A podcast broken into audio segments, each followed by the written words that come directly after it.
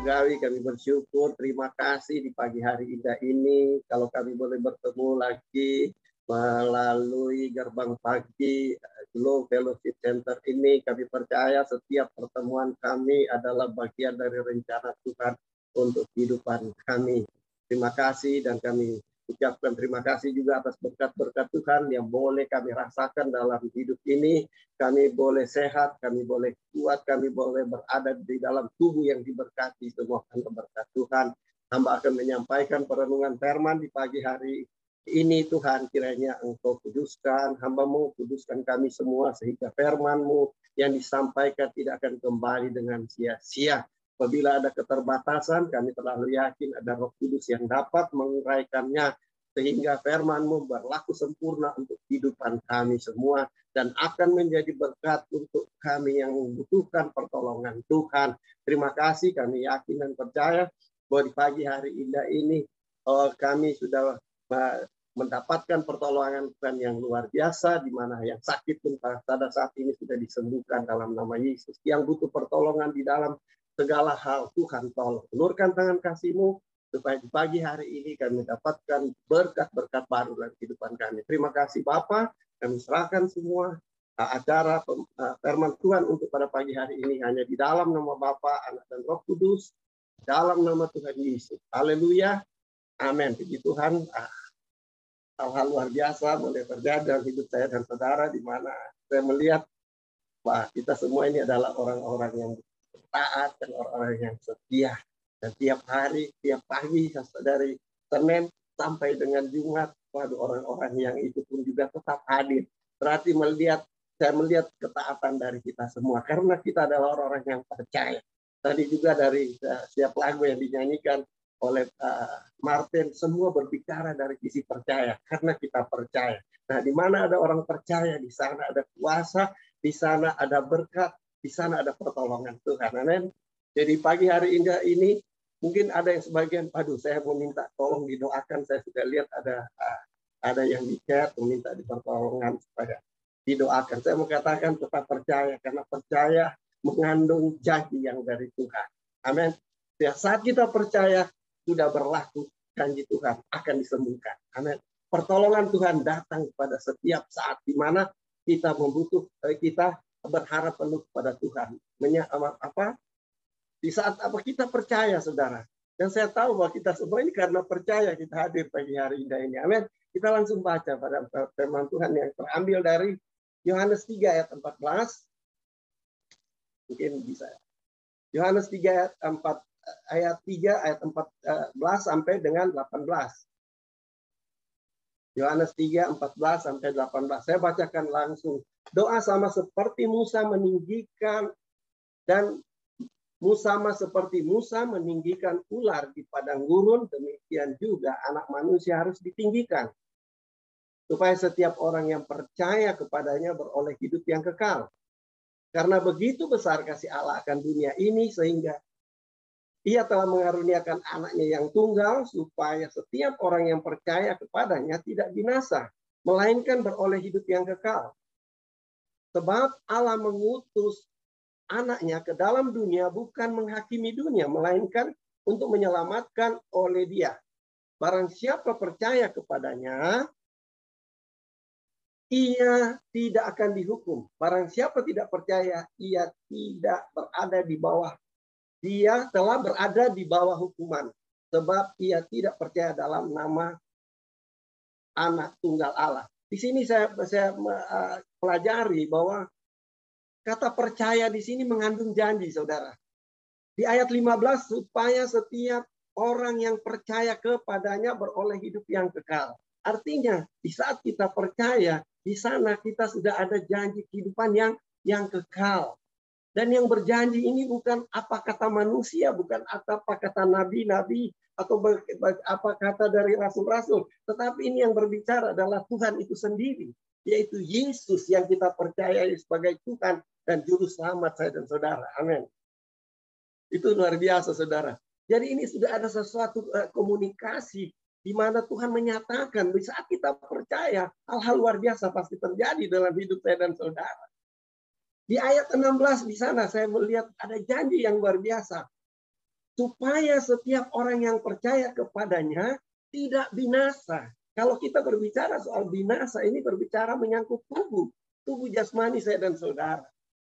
Berarti di sana apa? Kalau kita percaya tidak binasa dalam arti tubuh jasmani kita pun dijamin oleh Tuhan. Dia pelihara, ya. Kalau kita sakit pun kita disembuhkan. Saudara, dasarnya hanya apa? Percaya. Karena kata percaya dari beberapa ayat ini semua mengandung janji, saudara. Nah, kita ini orang-orang yang percaya bahwa Yesus adalah Tuhan dalam kehidupan saya dan saudara. Tidak akan binasa. Kalau berbicara binasa, menyangkut jasmani saya dan saudara. Tuhan cukupkan kebutuhan saya dan saudara. Tuhan berikan berkat-berkat uh, yang mungkin belum pernah kita pikirkan. Itu yang Tuhan sediakan untuk saya dan saudara. Mungkin ada sebagian orang yang berkata, aduh sampai sekarang saya masih dalam uh, masalah sepanjang COVID-19 ini. Saudara, sudah hampir dua tahun keuangan saya morat marit dan lain sebagainya. Kesehatan saya masih belum uh, belum beres, mas. Sampai sekarang kesehatan saya masih terganggu. Saya mau katakan bahwa kita cukup percaya saja. Percaya dengan sungguh. Seringkali kita bimbang, saudara. Kita percaya kita hadir mulai dari Senin sampai dengan Minggu berjalan kita ada di dalam ibadah. Tapi rasa percaya kita sering kali masih suka kendor, saudara. Masih ragu-ragu, masih bimbang. Mau jadi enggak ya? Saudara, ada beberapa orang meminta pertolongan doa. Doa yang sama dari saya saya tahu dari uh, berapa bulan, berapa setengah tahun yang lalu, masih tetap itu yang didoa, didoakan. Berarti kesimpulannya bahwa Doanya belum terjawab, saudara. Sementara saya percaya. Amin. Nah ini kita mesti pertanyakan, kenapa ada apa? Terkadang kita mau percaya atau kita rindu supaya Tuhan menjawab setiap doa, tetapi ini loh, ini saudara pada prakteknya seperti itu. Tuhan ini loh kita saya punya permohonan, Tuhan tolong jawab. Setelah kita serahkan kepada Tuhan, kita tinggal diam saja kita masih tetap berjalan dengan kehidupan-kehidupan yang lama. Itu doa saya tetap saya serahkan, saya catat dan saya catat. Ya sedari hari ke hari tidak akan berhasil. Kenapa? Karena kita tidak memiliki tanggung jawab. Amin. Kita cuma tahu bahwa persoalan saya ini loh Tuhan, ini saya serahkan kepadamu. Saya percaya bahwa Engkau adalah Tuhan. Tapi setelah kita serahkan, kita pergi jauh dari Tuhan. Kita menunggu-nunggu mujizat itu datang. Saudara ini adalah ke langkah-langkah yang keliru, saudara. Tuhan mau di saat kita ada di dalam hadirat Tuhan, kepercayaan kita penuh. Percayaan kita itu sungguh-sungguh. Sehingga banyak hal-hal yang luar biasa Tuhan berikan untuk saya dan saudara. Mungkin orang bilang, oh saya lagi sehat, saya lagi kuat, uang saya banyak, saudara. Uang saya bisa mencukupi kok. COVID-19 mungkin uh, ini PPKM mungkin tiga tahun pun juga belum habis kok. Tetap saya masih tetap ada. Tetapi saya mau katakan, ada satu yang kehilangan nah, di dalam kehidupan saudara yang berprinsip hidup seperti itu, yaitu kekekalan. Karena di sini dikatakan supaya setiap orang yang percaya kepadanya tidak binasa. Jadi saya pelajari bahwa kebicara tentang binasa menyangkut soal tubuh. Di saat kita percaya Tuhan pasti bereskan persoalan tubuh jasmani saya dan saudara. Kebutuhan, keperluan, dan lain sebagainya. Pasti Tuhan cukupkan. Tapi tetap taat, tetap setia. Amin. Dan selanjutnya supaya setiap eh melainkan beroleh supaya setiap orang yang percaya kepadanya tidak binasa dan apa melainkan beroleh hidup yang kekal. Kita berbicara kekekalan berarti kesempurnaan dari jiwa saya dan saudara. Kita dapat dua paket dalam ayat ini. Kita tidak binasa secara tubuh, kita juga mendapatkan kekekalan di dalam jiwa saya dan saudara. Artinya, kita ada keselamatan dalam hidup saya dan saudara. Kita sudah dijamin dalam kebutuhan jasmani selama kita hidup. Sudah kita dipanggil Tuhan pun kita ada janji yang luar biasa di sana. Tuhan berikan secara lengkap. Paketnya paket lengkap, saudara. Paket jaminan tubuh jasmani Tuhan cukupkan dan paket kekekalan di dalam kerohanian saya dan saudara. Sebab Allah mengutus anaknya yaitu Yesus ke dalam dunia ini bukan untuk menghakimi dunia, melainkan? Untuk menyelamatkan. Dia mau menyelamatkan saya dan saudara. Kuncinya di sini saya lihat percaya. Tadi uh, Martin uh, menyanyikan ku percaya janjimu. Nah, saudara, ini mengandung janji semua percaya, percaya, percaya, saudara. Jadi ini di, diharapkan supaya kita percaya saja, saudara. Saya lihat ayat-ayat ini kelihatan ayat hafalan untuk saya dan saudara. Mungkin dari sekolah minggu, saya dan saudara sudah hafal itu. Oh, karena begitu besar kasih Allah akan dunia ini, sehingga dia telah mengaruniakan anaknya yang tunggal, apa supaya setiap orang yang percaya kepadanya tidak binasa melainkan beroleh hidup yang kekal. Tetapi ternyata setelah saya selidiki, aduh ayat ini mengandung janji yang luar biasa untuk orang-orang yang percaya, termasuk saya dan saudara. Mau taat, setengah lima sudah bangun bersiap-siap, jam lima sudah datang di gerbang pagi untuk berdoa.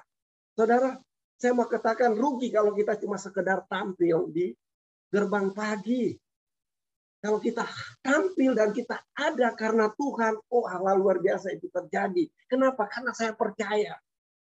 Kalau saya cuma astor muka aja, yang penting kita sudah dilihat oleh Pak Gembala, kita sudah lihat oleh pastoral, oh kasihan, waduh ngeri, aduh rugi saudara. Tapi karena kerinduan kita datang kepada Tuhan untuk melayani, dan katakan sekecil apa pun yang kita buat, mungkin kita sebagai host atau sebagai yang ngatur apa Eh, jadwal dan lain sebagainya mungkin kecil di hadapan manusia. Eh, itu kan cuma biasa-biasa.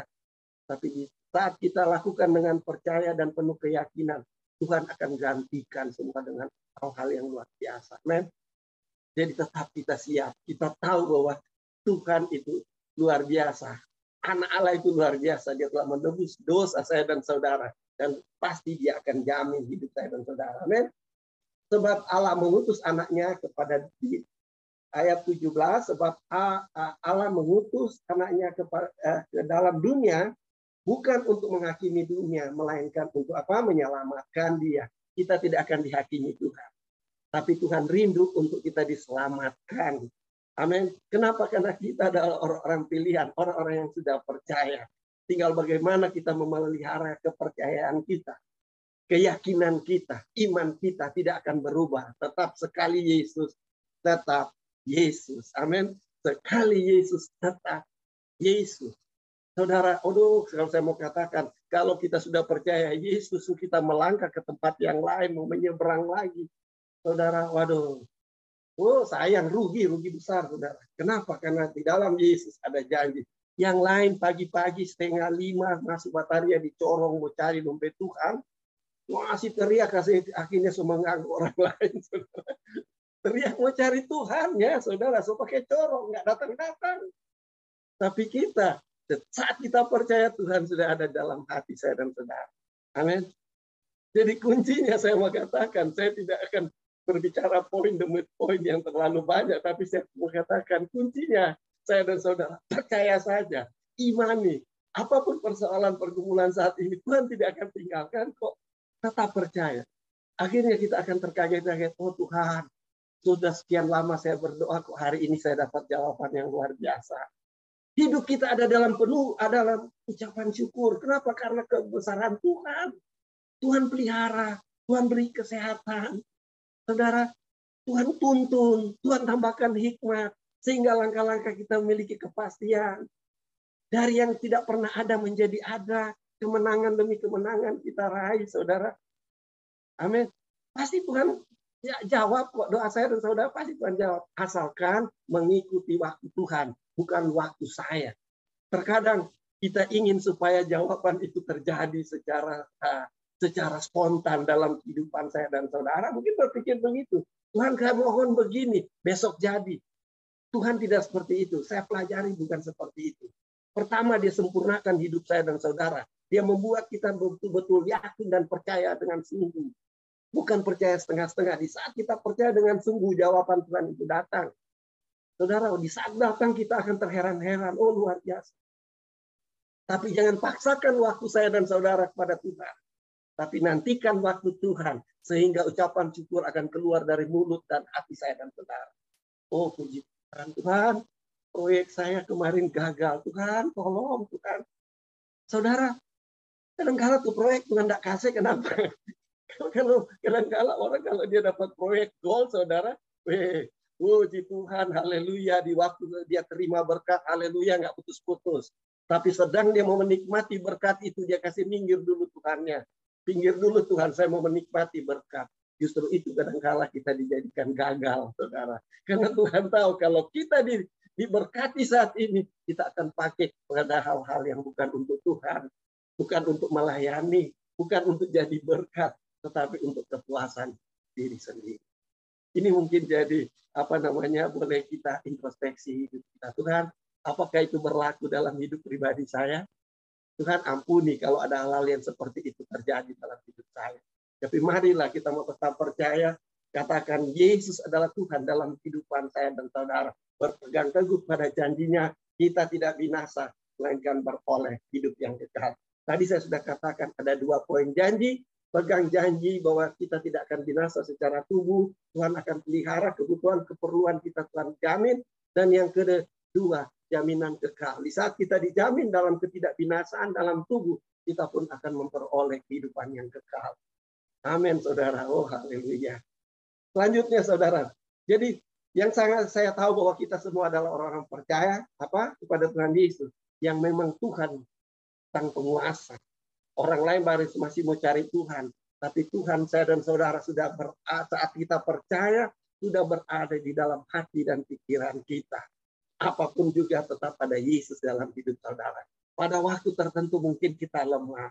Pada waktu tertentu mungkin kita juga akan kembali pada karakter-karakter kita yang semula. Tapi di mana roh yang sudah pernah ada tertanam dalam hidupmu, dia akan mengubah hidupmu. Sehingga hidup kita akan memandang pada hal-hal yang positif, hal-hal yang baik sesuai dengan pikiran Tuhan, bukan lagi pikiran saya, tapi pikiran Tuhan. Di dalamnya sudah ada pikiran kasih, berpandangan positif, melakukan yang terbaik, peka dengan lingkungan, mau memberkati. Itu adalah kepekaan Roh Kudus yang Tuhan tanamkan dalam kehidupan orang yang percaya.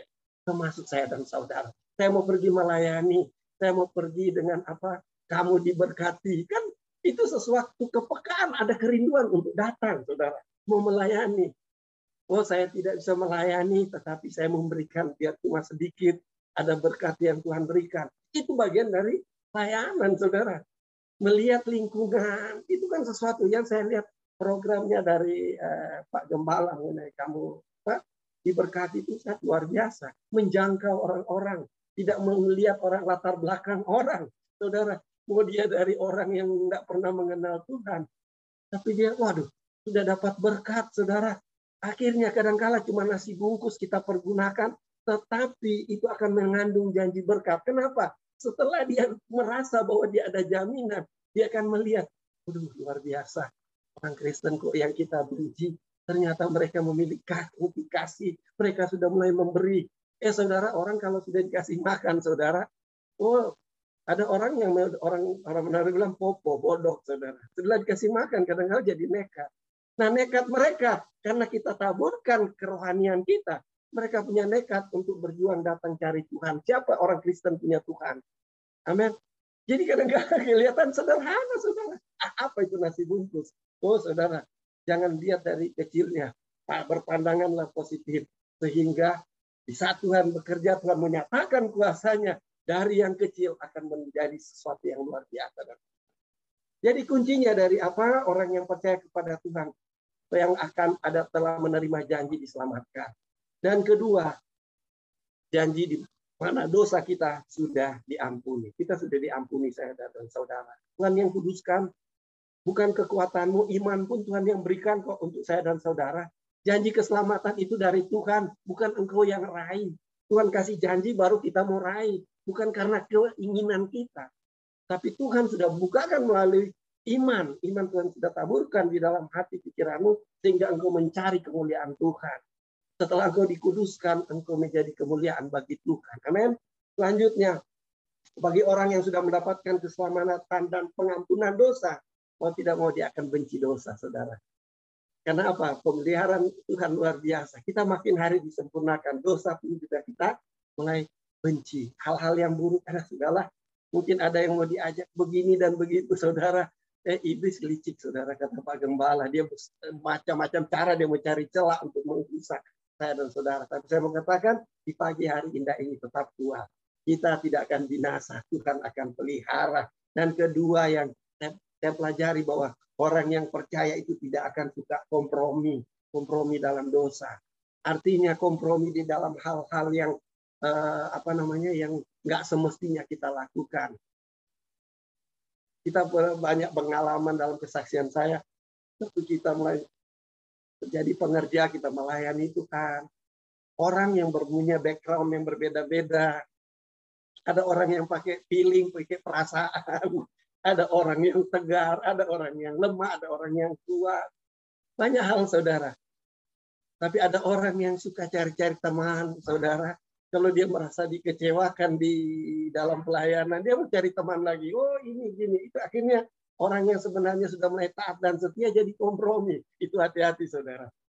Kita boleh berhik, kita harus berhikmat melihat bagaimana yang positif, mana yang negatif. Kita mau lakukan yang terbaik. Amin. Mau melayani Tuhan lebih baik dan lebih baik. Jangan kom kompromi. Selanjutnya saudara, yang saya pelajari orang percaya pasti mengalami mujizat melalui pemeliharaan Tuhan supaya tubuh kita tidak binasa, pasti ada banyak mujizat yang terjadi. Karena manusia banyak kali kita percaya setelah ada mujizat. Banyak karakter rohani, setiap orang berbeda-beda. Yohanes 4 ayat 48, maka kata Yesus kepadanya, jika kamu tidak melihat tanda dan mujizat, kamu tidak percaya. Kadang-kadang kasih mujizat dulu baru dia percaya. Saudara, amin. Benar nggak kita terjadi seperti itu? Kalau sudah mujizat, oh iya ya, Padahal sebenarnya tanpa mujizat pun kita sudah percaya bahwa Yesus adalah Tuhan segala hal-hal yang luar biasa. Nggak pernah terjadi kepada orang di luar sana. Selalu akan terjadi dalam hidup saya dan saudara. Setiap hari kita harus nyatakan bahwa hari-hari itu adalah mujizat. Segala perkara Tuhan tanggung. Segala perkara apa yang menjadi kebutuhan keperluan pun Tuhan sudah cukupkan kok. Orang yang tahu bersyukur itu adalah mujizat. Amin. Dan yang kedua saya pelajari Orang percaya akan selalu berpandangan positif. Tidak akan berpikir yang macam-macam. Selalu dia akan lihat positif. Tidak mau gegabah begitu untuk menilai seseorang. Tidak mau adjust begitu cepat, saudara. Selalu dia pandang positif. Karena setiap orang itu ada hal-hal yang positif dalam hidupannya. Lakin pun ada kesalahan. Dia tidak bukan jadi orang punishment yang selalu menghukum, Salah sedikit, oh dia begini. Salah sedikit, oh dia begitu. Lah, saudara ngeri, saudara. Itu jangan, saudara. Tapi marilah kita berpandangan positif.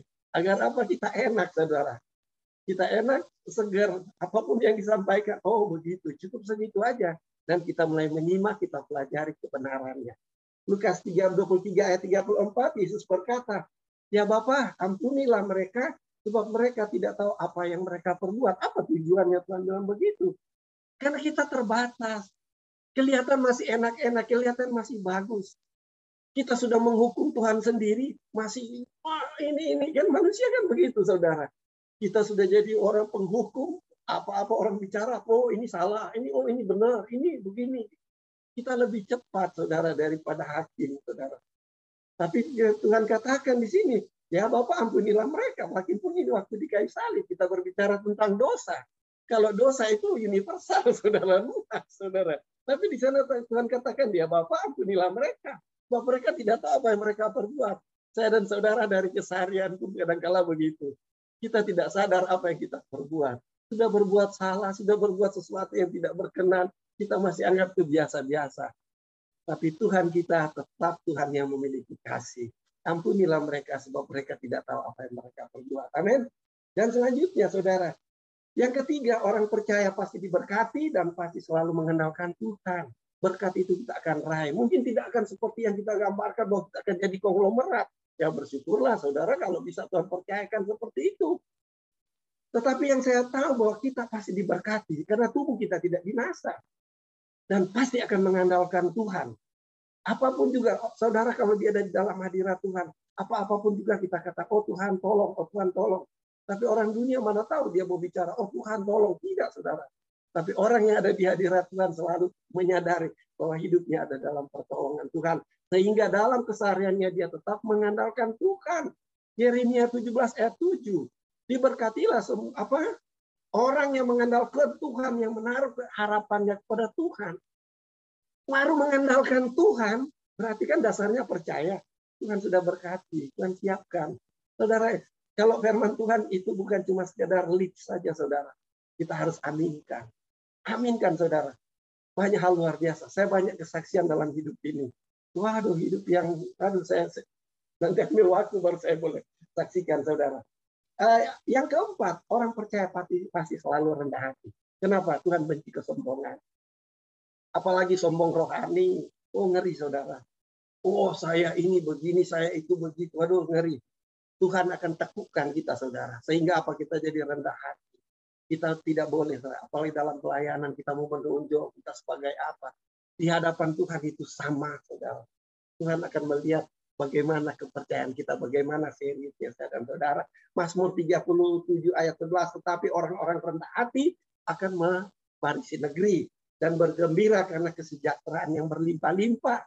Orang rendah hati pun pasti akan diberkati. Karena kesejahteraan yang berlimpah-limpah. Itu janji saudara. Kesejahteraan bukan sepotong-sepotong. Dia janji berkat di dalamnya. Oh saudara, mungkin kita pun keterbatasan, kita tidak mampu. Tapi di saat Tuhan memampukan saya dan saudara, kita akan menerobos segala hal yang mustahil. Sehingga kita akan mengatakan, Tuhan itu luar biasa. Tuhan terima kasih. Tuhan terima kasih.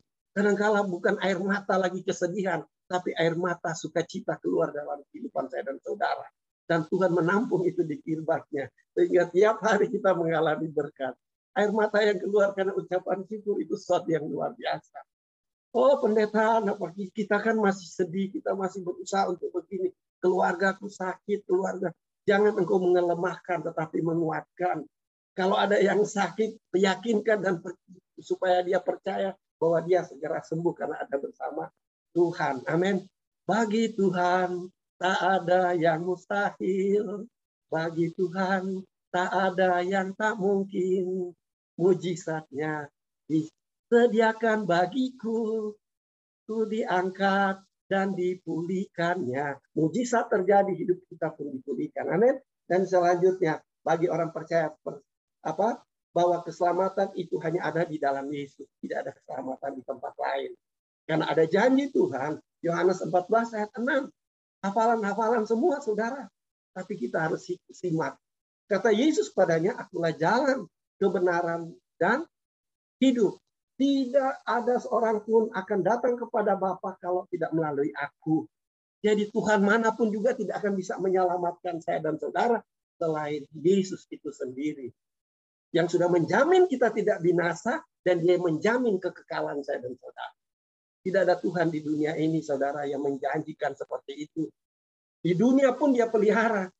Sesudah kita mati pun kita ada kekekalan dalam hidup saya dan saudara. Tuhan tahu setiap keterbatasan. Kita tidak mampu selama di dunia kita capek. Aduh, belum terjawab, masih sakit, masih begini. Tuhan tahu. Matius 11 ayat 28 berkata, marilah kepadaku. Hai kamu yang letih lesu dan apa berbeban berat aku akan memberikan kelegaan kepadamu. Kalau terjemahan yang lama, marilah kepadaku, hai kamu yang letih lesu, aku akan memberikan sentosa kepadamu. Bukan kelegaan, tapi sentosa. Kalau berbicara sentosa, berarti sesuatu yang berkesinambungan. Yang tidak putus pada saat ini, tetapi Tuhan jamin sampai kita ada kekekalan. Amin. Oh, puji Tuhan. Jadi hal-hal luar biasa akan terjadi dalam kehidupan saya dan saudara. Tetap percaya, tetap percaya. Mungkin saudara atau keluarga atau lingkungan kita masih kurang percaya. Katakan tetap percaya. Yesus itu berkuasa di dalam segala-galanya.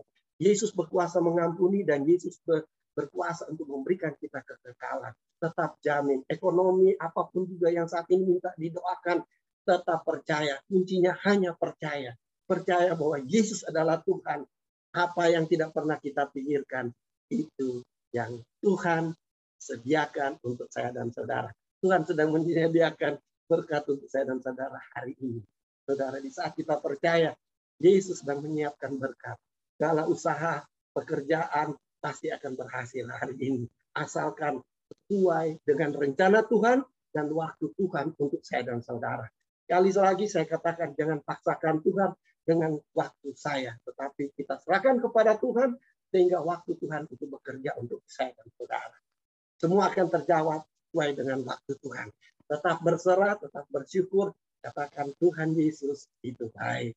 Kita berdoa, Tuhan Yesus Bapa di sorga, hamba bersyukur telah menyampaikan firman Tuhan pada pagi hari indah ini melalui gerbang pagi GBI Glow. Tuhan kiranya berkat-berkat Tuhan selalu akan mengalir dalam kehidupan kami. Kami tetap pegang janji Tuhan, kami tidak akan binasa. Di mana kami tidak binasa, segala kebutuhan keperluan jasmani kami Tuhan cukupkan dalam nama Yesus dan juga kekekalan ada di dalam kehidupan kami. Setidaknya ada jaminan yang luar biasa bahwa kami akan memiliki kehidupan yang kekal. Terima kasih Bapak. Diserahkan semua itu hanya di dalam nama Tuhan Yesus. Haleluya.